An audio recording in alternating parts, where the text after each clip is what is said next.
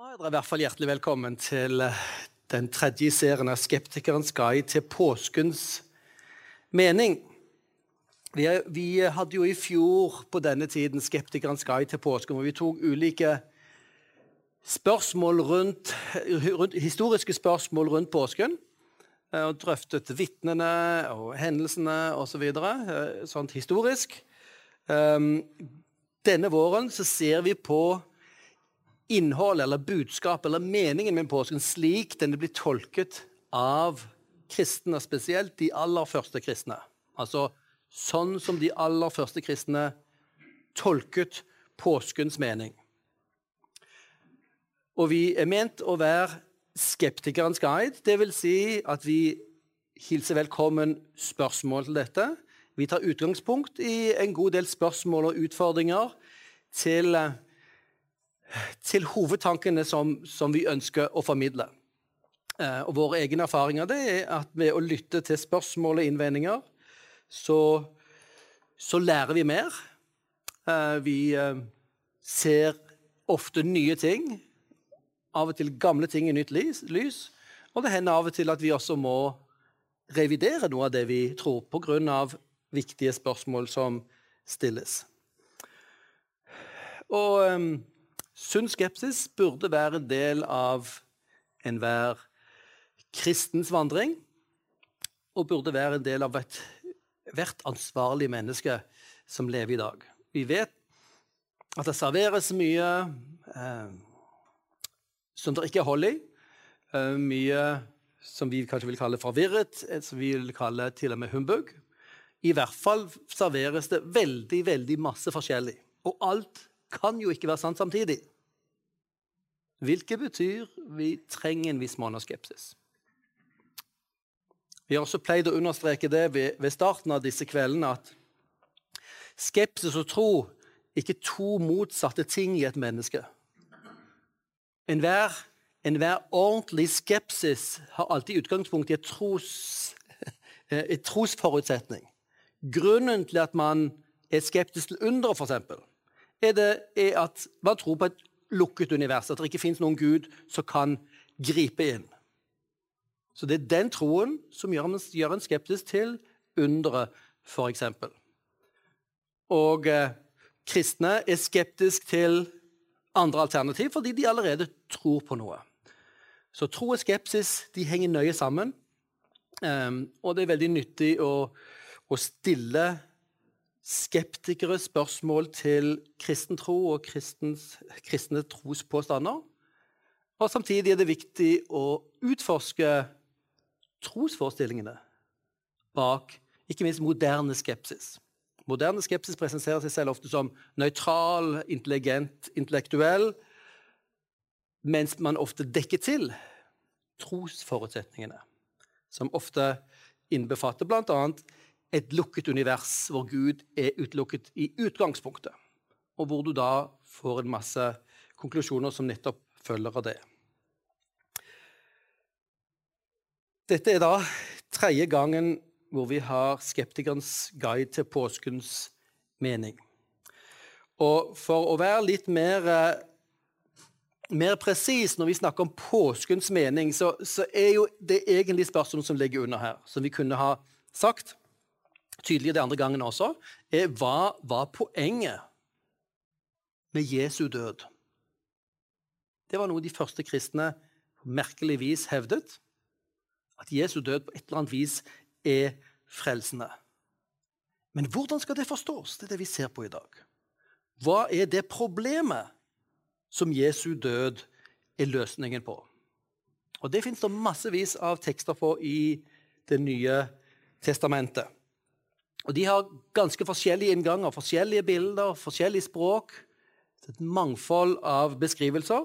Og vi har forsøkt å sortere litt av dette ved å på vår første samling se på problemet med dødskreftene. Hvordan Jesus løser problemet med dødskreftene som vi lever rundt omkring som vi lever i. Som innbefatter selve døden selv, dødens mysterium, men også de onde kreftene som fanger oss inn.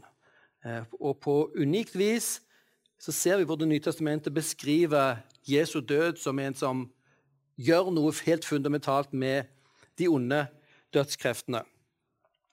På den andre samlingen så, så vi på problemet med oss.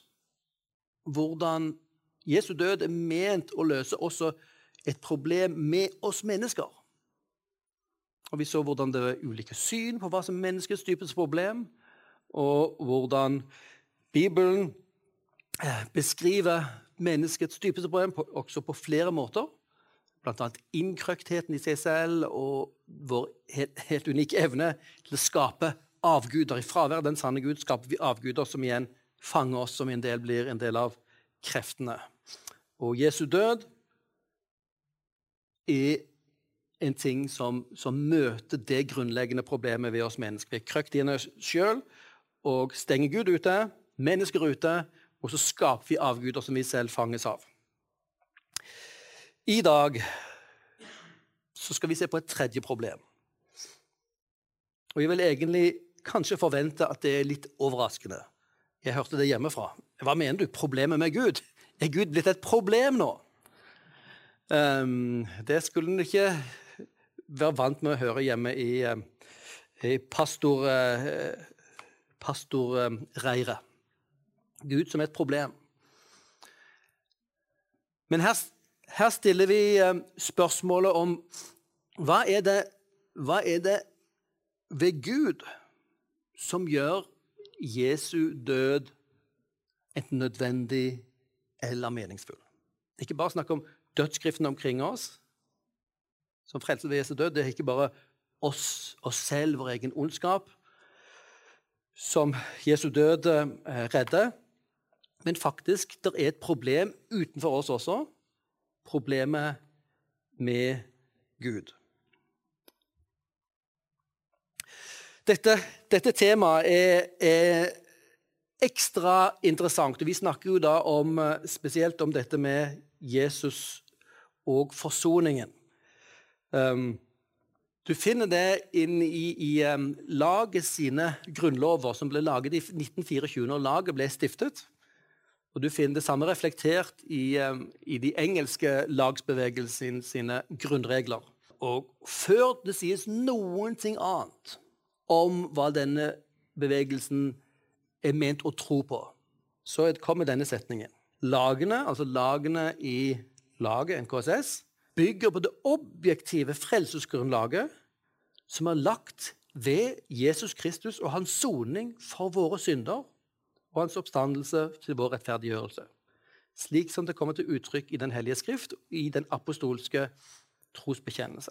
Og så først i paragraf 5 kommer det som vi ville kanskje tenkt ville, ville være logisk i forkant av dette. her. Landsstyret bygger på Den hellige skrift og den evangelisk-lutherske bekjennelse. Så viktig er synet på Jesu død. Hva, hva dreier dette seg om? Og formuleringen at dette er soning for våre synder, at det plasseres opp som en egen paragraf, og som faktisk ikke kan endres i laget. Hvis laget skal endre den paragrafen, så må de legge ned og lage noe helt annet. Så viktig den sett som. Og det, Bakgrunnen er jo begynnelsen av 1900-tallet, den, den, liberale teologien som sveiper ja, som sveiper, den, den er jo bygd i det moderne Vesten. Hvor man da synes at Bibelens tale om synd er litt negativt. For uh, vi kan jo tenke heller positivt om mennesket. Snakk om Guds vrede er også skrekkelig negativt. Vi må ha et positivt syn på Gud. Underet kan vi ikke lenger tro på fordi vi lever i vitenskapens alder. Og dermed får en et gudsbilde, et syn på Bibelen, et syn også på hva Jesus gjorde, som er sterkt fjernet fra Bibelens vitnesbyrd. Og dermed får du disse bildene av Jesus som den politiske frigjører, eller som forbilde, som var veldig sterkt blant teologer eh, i den klassiske liberale teologi. Dette som laget hevder her, hans soning for våre synder, er altså en veldig, veldig sterk eh, respons på forsøket på å fjerne det språket fra, kristne, fra den kristne tenkningen som moderne mennesker. Laget er en av de som har vært med å bevare dette. Våre organisasjoner, våre Lavkirkelige organisasjoner har også det. Og um, vi må takke også for at, at Jesu død for våre synder, forsoningen, også forkynnes mange steder i Den norske kirke fortsatt, på tross av den liberale teologiens trusler på begynnelsen av 1900-tallet. Når uh, InterVarsity Press, som er den internasjonale lagsbevegelsen sitt, sitt um, um, bokforlag Når de skulle feire sitt 50-årsjubileum, så valgte de et tema og en forfatter som er helt sentralt i det vi kan kalle den evangelikale bevegelsen. Kanskje den viktigste personen for det vi kaller evangelikale, altså bibeltroende som er opptatt av misjon, evangelisering og radikal etterfølgelse av Jesus. Hvor troen nettopp på Jesu død for våre synder står veldig sterkt. John Stott var en av de mest sentrale i hele 1900-tallet for å forme den bevegelsen. Som bl.a. Fikk, fikk utforming i Lausanne, hvor Billy Graham og John Stott sammen preget denne. Og John Stott sto i stor grad for formuleringen av Lausanne-pakten, som jeg håper dere kan gå på nettet og, og, kan sjekke opp, som en formulering av kristen tro i møte med alle de alternative teologiene. Når han altså skulle skrive 50-årsjubileumsboken, så valgte han det som, ment, som lå hans hjerte nærmest, men altså som han mente var det aller viktigste spørsmålet som kristne trenger å få på plass. Som vi ikke må vike bort fra. Ikke tømme ut gjennom f.eks. liberal teologi. Og Da var det The Cross of Christ. Og Det er en fantastisk bok.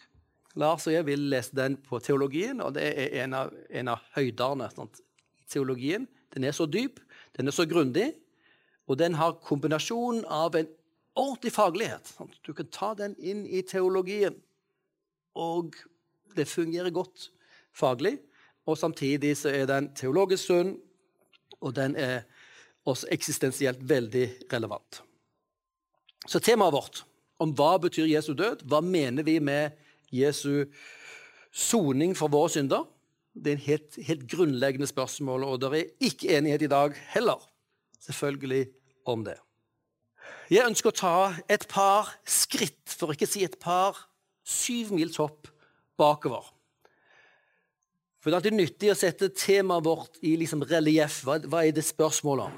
Eh, og eh, siden jeg er en eh, teolog som liker Det gamle testamentet spesielt godt, så hopper jeg helt tilbake til, til konteksten for Det gamle testamentet. For det er slik vi, vi, skal her i, dag snakke om eh, temaet hva, bet, hva betyr offer for noe? Hva betyr Guds vrede? Hva betyr soning? Og Da er det veldig viktig at vi har utgangspunktet riktig. Og det er en veldig nyttig ting å se kontrasten mellom Bibelens gud og antikkens guder. Her er det tre bilder fra eh, Babylonia, eh, fra Hellas og fra Egypt. Eh, som beskriver og tegner opp og illustrerer deres forestillinger om Gud og verden. Fagfolkene snakker om at det er, en sånn felles forståelse i det store området som heter Det nære Østen, om hva gudene var for noe. Og Det kaller man den store symbiosen. Sånn, vi vet at uh, det er noen, uh, noen, planter og typer som, som lever på andre, som, som, sopp, ikke sant? Som gir noe til, til, til en type ting, og så får de noe det er en sånn gjensidig nytte av hverandre. Sånn var gudeforståelsen i Det nære Østen, i den konteksten som Bibelen ble til. Forestillingene var at menneskene, de ofrer. Og ofring var forstått som å fòre gudene. De trengte mat. De trengte også å blidgjøres. Og så, som en gjenytelse, så gir gudene menneskene til sin velvilje og beskyttelse. Det var som en, en god forretningsforbindelse. Så du hele tiden må holde varm, hele tiden må du ofre, og hele tiden skal du da forvente, forvente beskyttelse. Og når det gikk galt, så var jo alltid spørsmålet ja, hva, hvem er det nå? Hva, hva har vi glemt nå? Og så forsøke å blidgjøre Guden, og så igjen kunne få den beskyttelsen og velviljen som vi faktisk trenger. Disse gudene vi snakker om her, er jo da holdt jeg på å si selvfølgelig. For oss i dag er det ikke selvfølgelig, men for de i antikken, og de som, ha, som ikke er påvirket av den jødisk-kristne tradisjonen, så er det en selvfølge at det er mange guder. Selvfølgelig. Du har én gud for havet, en gud for fjellet, en gud for fruktbarhet, en gud for krig, en gud for, for, for Babylon, en for Assur, en for Jerusalem, en for um, Alexandria, Tebes Så, Og hvorfor ikke? Mangfold av guder. Hvert sted sin gud. Og da gjelder det å ofre til den guden og sikre velviljen og dermed sikkerheten.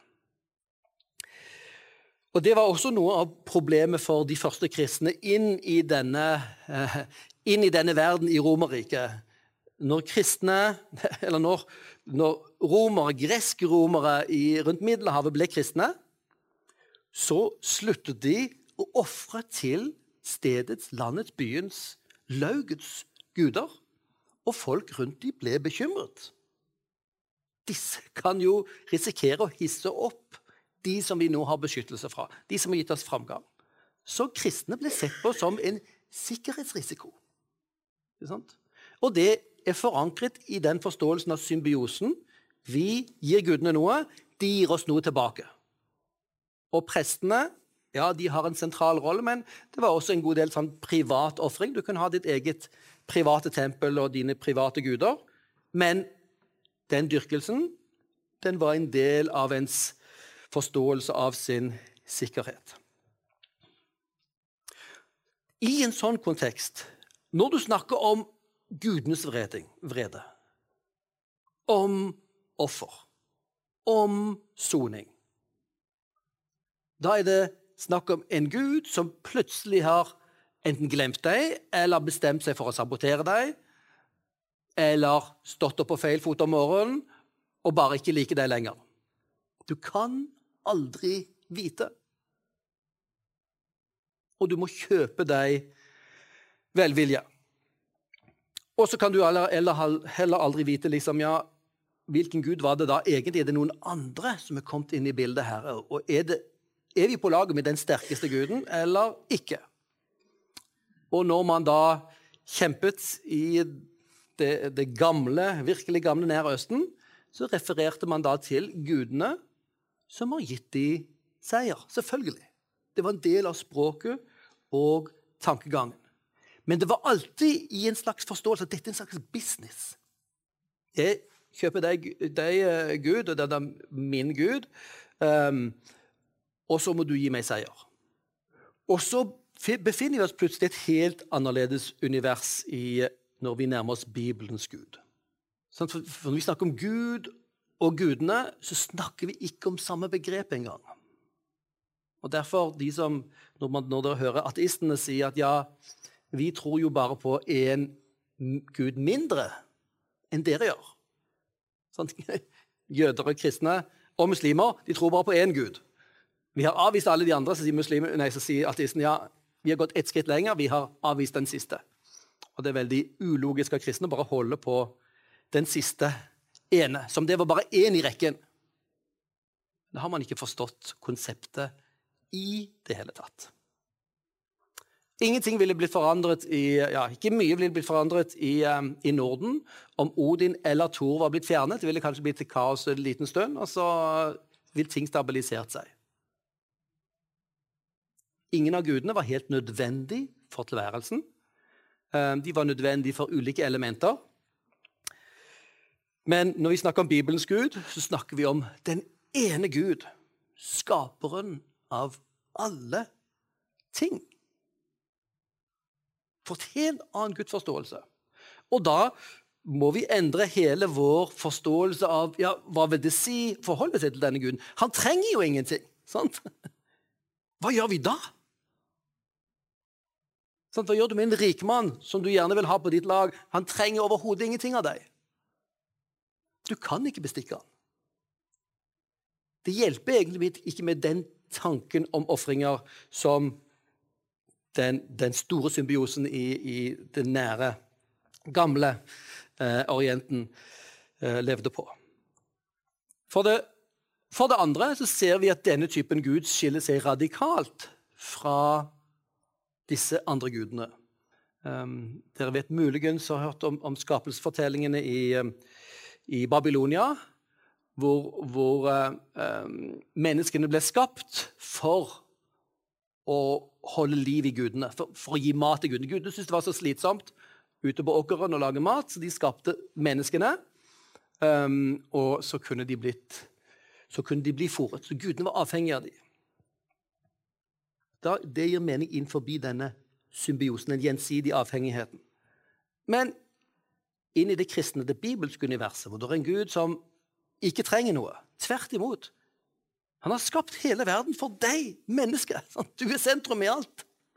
Du er ikke bare en tilfeldig bekjent eller en favoritt av han. Nei, du står i sentrum. Hva, hva, kan du da gjøre? For det tredje kan vi si at den er pålitelig. Ikke humørsyk og impulsiv. Kontrast til alt annet av det som man kjente til av guder i antikken. Når dere da leser i Gamletestamentet om trofasthet, da er det her vi er. Trofasthet høres i dag kanskje litt lite sexy ut. Unnskyld uttrykket. Så vi vil gjerne ha en sterk og kul og søt og uh, Men trofasthet å, det høres ut som langt gjesp. Aldri noe forandring. Men trofasthet er det mest grunnleggende. Det er det vi trenger mest. Kunne vite hva vi skal forholde oss til i morgen. Ikke bare, eh, ikke bare et, sånn et treff med en eller annen veldig artig gud. Et øyeblikk. Men vi trenger, for vår tilværelse trenger vi et trygt sted å eksistere. Gud er pålitelig, som eh, senere i historien eh, ga opphav til tanken om naturlover. Fordi Gud har gitt Gud er stabil og pålitelig. Han har gitt mennesket morallover. ok, De regelmessighetene vi ser i naturen, de er jo ikke lover, vet du. Du blir aldri, du blir aldri dømt for å bryte eh, tyngdeloven. Sant? Det er ikke noen lover, det er bare regelmessigheter. Men ordet naturlover er hentet fra den kristne forståelsesrammen Gud, som er den pålitelige. Du kan forvente det samme med nytt eksperiment og det samme i morgen. Og så har vi et element her. Gud stiller moralske krav. Det er altså radikalt annerledes enn de andre gudene vi kjenner fra den konteksten. Det var ikke moralske krav. Det var kun krav om gjenytelser. Og her begynner vi å se at mm, alle, disse, alle, de andre punktene her høres veldig sånn forlokkende og tiltrekkende ut for, for oss. sant? Jeg vil gjerne ha en allmektig Gud sant? som ikke trenger noe. En kjærlig, pålitelig Gud. Akkurat det vi trenger. Og så har vi dette Den ørlille utfordringen med det som Bibelen kaller Gud er hellig. Det betyr at han tåler ikke synd. Han tåler ikke ondskap. Og han er sterkt imot alt. Alt ondt og alt som bryter ned. Så Gud stiller moralske krav. Og det gjør han fordi han er den han er. Han er den ene Gud i universet, skapte oss i sitt bilde. Og dermed er moralen den grunnleggende fortellingen. Dermed blir dette bakgrunn for all tale i Bibelen om Guds vrede, dom, straff, offer og soning. Ser dere her? Det er en del som tegner opp Jesu soning, eller forsoningstanken i Bibelen, som om det er en kjempesint Gud som, som egentlig vil sende alle mennesker i helvete. Men så var han så snill at han i stedet for å gjøre det, så tok han en, ja, tok sin sønn og så torturerte han til døde. Og sier OK, på grunn av det så skal dere slippe. Den den opptegningen av en kjempesint, vilkårlig Gud som da plukker en vilkårlig erstatter, det samsvarer jo overhodet ikke med de rammene som vi allerede har sagt her. Bibelens Gud som fullkomment god, kjærlig, pålitelig. Når det er snakk om vrede, dom og straff og soning i Bibelen, så må disse elementene allerede ligge på plass. Så når vi da snakker om Gud som vårt problem, har du, Lars, lyst til å eksperimentere videre her? Det betyr jo da det vi har sett, at eh, den tegningen, den rammen som nå er tegna av hvem Gud er At Gud, dersom det er sant, det som var i fokus sist gang, at mennesket, at vi er et problem Så for oss blir jo Gud et problem. Fordi Gud er hellig. Håper vi ser alle sammen den måten Hvis vi går steg for steg, så plutselig så møter vi det dramatiske uttrykket Guds fiender. Vi møter det f.eks. i Romerbrevet. Mens vi ennå var Guds fiende, ble vi forsont med ham ved hans sønns død. Guds fiender. Det er et dramatisk uttrykk som sier noe om at eh, Gud er blitt vårt problem. Han som skapte oss, er blitt vårt problem. Han som elsker oss, er blitt vårt problem. Det er altså en gjensidig fiendskap.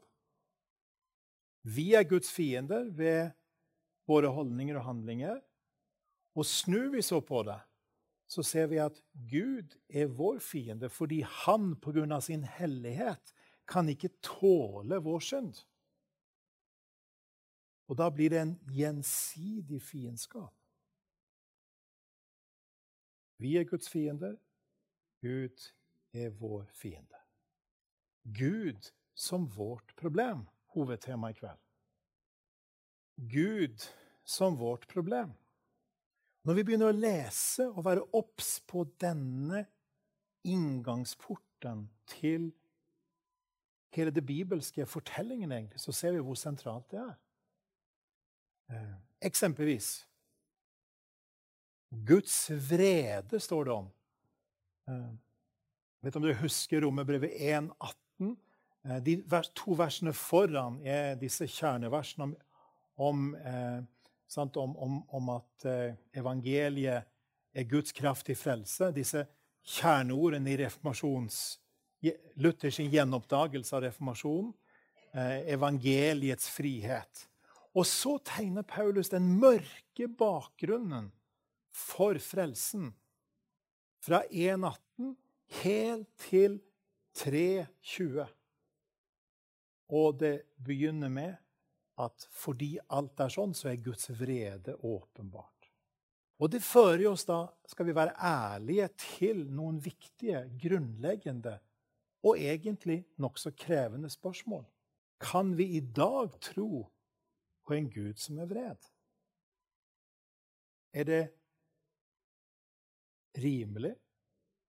Er det riktig? Er det bibelsk? Er det moralsk riktig å tro på det? Så kan vi snu på og spørre kan vi tro på en Gud som ikke er vred. For spørsmålet blir jo også hva hvis Gud ikke var hellig i møte med synd? Hva hvis Gud ikke var hellig i møte med det onde? Og Da ser vi plutselig at tingene får et helt annet perspektiv. Kan vi tro på en Gud som ikke ikke straffer. På lørdag så kom, så kom uh, Margunn, min kone, og jeg hjem fra, uh, sist lørdag fra noen uker i Øst-Afrika. Og En av de vi hadde truffet de siste dagene eller de siste uka, var en biskop uh, akkurat midt i Uganda, nord for hovedstaden, som ifølge han også er midt i hele Afrika. Det er jo en god selvtillit som biskop, det. Og han, han eh, har skrevet sin doktoravhandling om noen av dere vil kjenne navnet, biskop Festo Kivengeres eh, sin, sin, forkynnelse om forsoning. Biskop Festo Kivengere var en av de mest profilerte eh, lederne fra det, fra det, globale sør, fra Afrika. Eh, som bl.a. var på Lausanne-konferansen, som Bjørn nevnte. En nær venn av Billy Graham og John Stott. Og han hadde en gave i å forkynne forsoning og forlikelse. Med Gud og med andre mennesker. Og nå hans, eh, hans etterfølger som biskop, eh, Fester Wengere, døde i 1988, så han, han har vært uh, ute av, av, banen lenge. Men denne etterfølgeren som biskop, Alfred Olva, hadde ikke bare studert forsoning, men han var kalt inn i forsoningstjeneste. Og kunne dele åssen han sist, åssen han i, i, nå i januar hadde blitt invitert inn til Idi Amins familie og eh, etniske grupper til å drive forsoningsarbeid. Dramatiske, helt realistiske fortellinger. Åssen han møter hundrevis, tusenvis av mennesker. Knefaller foran dem og nøber dem om å forlike seg med hverandre, med andre og med Gud. Kan vi tro på en Gud som ikke er vred i møte med uretten? Kan vi tro på en Gud som ikke straffer? Han fortalte bl.a. at han møtte en, ei dame som, som, var datter av en av bødlene til Idi Amin. Denne bødlen, faren altså til denne dama, nå voksne dama, kom hjem hver dag med hele uniformen dekket av blod. Det var hennes oppgave som datter å vaske den uniformen hver dag. Det er realiteten mange mennesker lever under i dag. ikke sant? En realitet. Vi er forskånet fra den, takk og lov. Men mange mennesker har en realitet som er preget av urett. Kan vi tro på en Gud som ikke er vred? Som ikke er hellig? Som ikke straffer? Og denne realiteten har mennesker reflektert over. En av de som har reflektert over det, er den serbiske teologen Miroslav Wolf. Han har skrevet mye dypt og mye, mye sterkt om hva det vil si å leve midt i, for hans tilfelle i Balkan, i den enorme, krevende situasjonen det var, der etnisk tilhørighet var det som bestemte liv og død. Og han, han sier bl.a. et sted her at eh, dersom Gud ikke var sint i møte med urettferdighet og i møte med bedrag, og ikke lovet å gjøre en sluttlig sluttende på all ondskap. Den Gud vil ikke vært verdig vår tilbedelse. Det er sterkt sagt. Fra en som har erfaring fra etnisk utrensking, fra etnisk vold, fra en hverdag preget av vold. Men selv i vår hverdag så møter vi jo noe av det samme i møte med urett i vårt samfunn, i vår del av verden. Enten vi snakker om det ufødte liv eller det fødte liv. Begynnelsen av livet eller slutten av livet. Og alt imellom. Hver, hver dag er jo fylt av nyhetssendinger preget av rettssaker, kriminalsaker, der vi møter ondskapen personifisert. Og så vet vi at inni oss bor det ting som gjør at dersom ikke vi hadde fått en god oppdragelse og en, en god livshjelp på veien, hvor hadde vi havna hen da? Kan vi tro på en Gud som ikke straffer? En Gud som ikke er hellig? Det blir et grunnleggende spørsmål, egentlig et eksistensielt spørsmål midt i alt. Dette er også Miroslav, er det ikke det? Eh, sammenfatning av det. Eh, eh, Miroslav Wolf sier at for, at for at kjærlighet skal kunne være sann kjærlighet, så må det være dom. Dersom det ikke finnes noen dom, så finnes det ikke noen håp for slaven, for den som har vært utsatt for, for eh, voldtekt, for det barn som har blitt eh, mishandla eller mobba. Eller den som har blitt eh, baktalt eller rant, eller som på annen måte har fått sin verdighet stjålet. Det er et sterkt uttrykk, det. Or had their dignity stolen. Det betyr at vi har en verdighet men noen kan stjele den fra oss.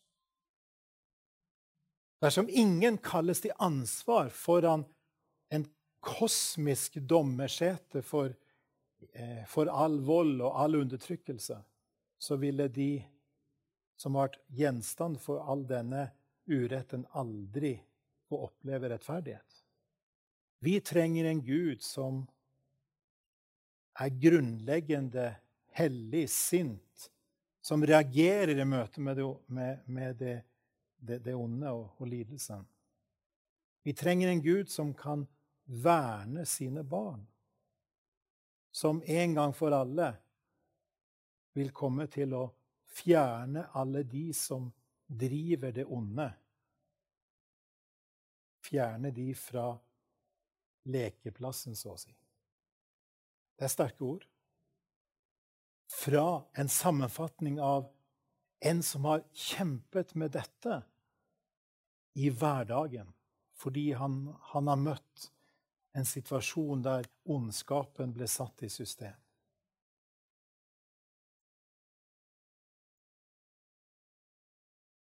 Gud er vårt problem. Det er det som er det radikale. At ikke bare er vi som er Guds problem, men Gud er vårt problem i tillegg.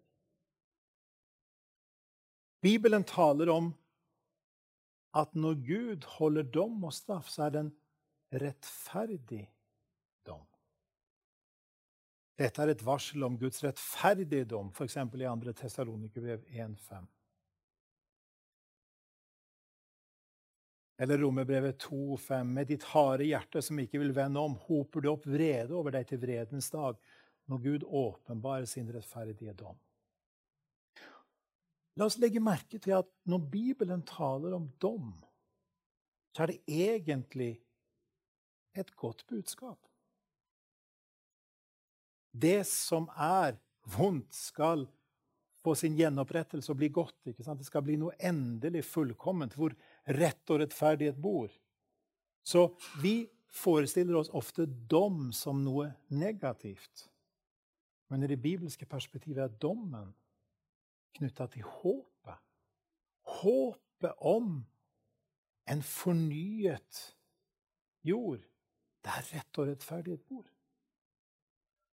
Sammenligne eh, f.eks. det som tegnes av, av bildet i, eh, i åpenbaringsboka, der ikke det skal være tårer, f.eks. For eksempel.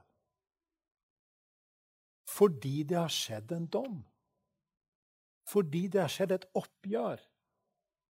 Fordi Gud har rammet med sin rettferdige dom og straff.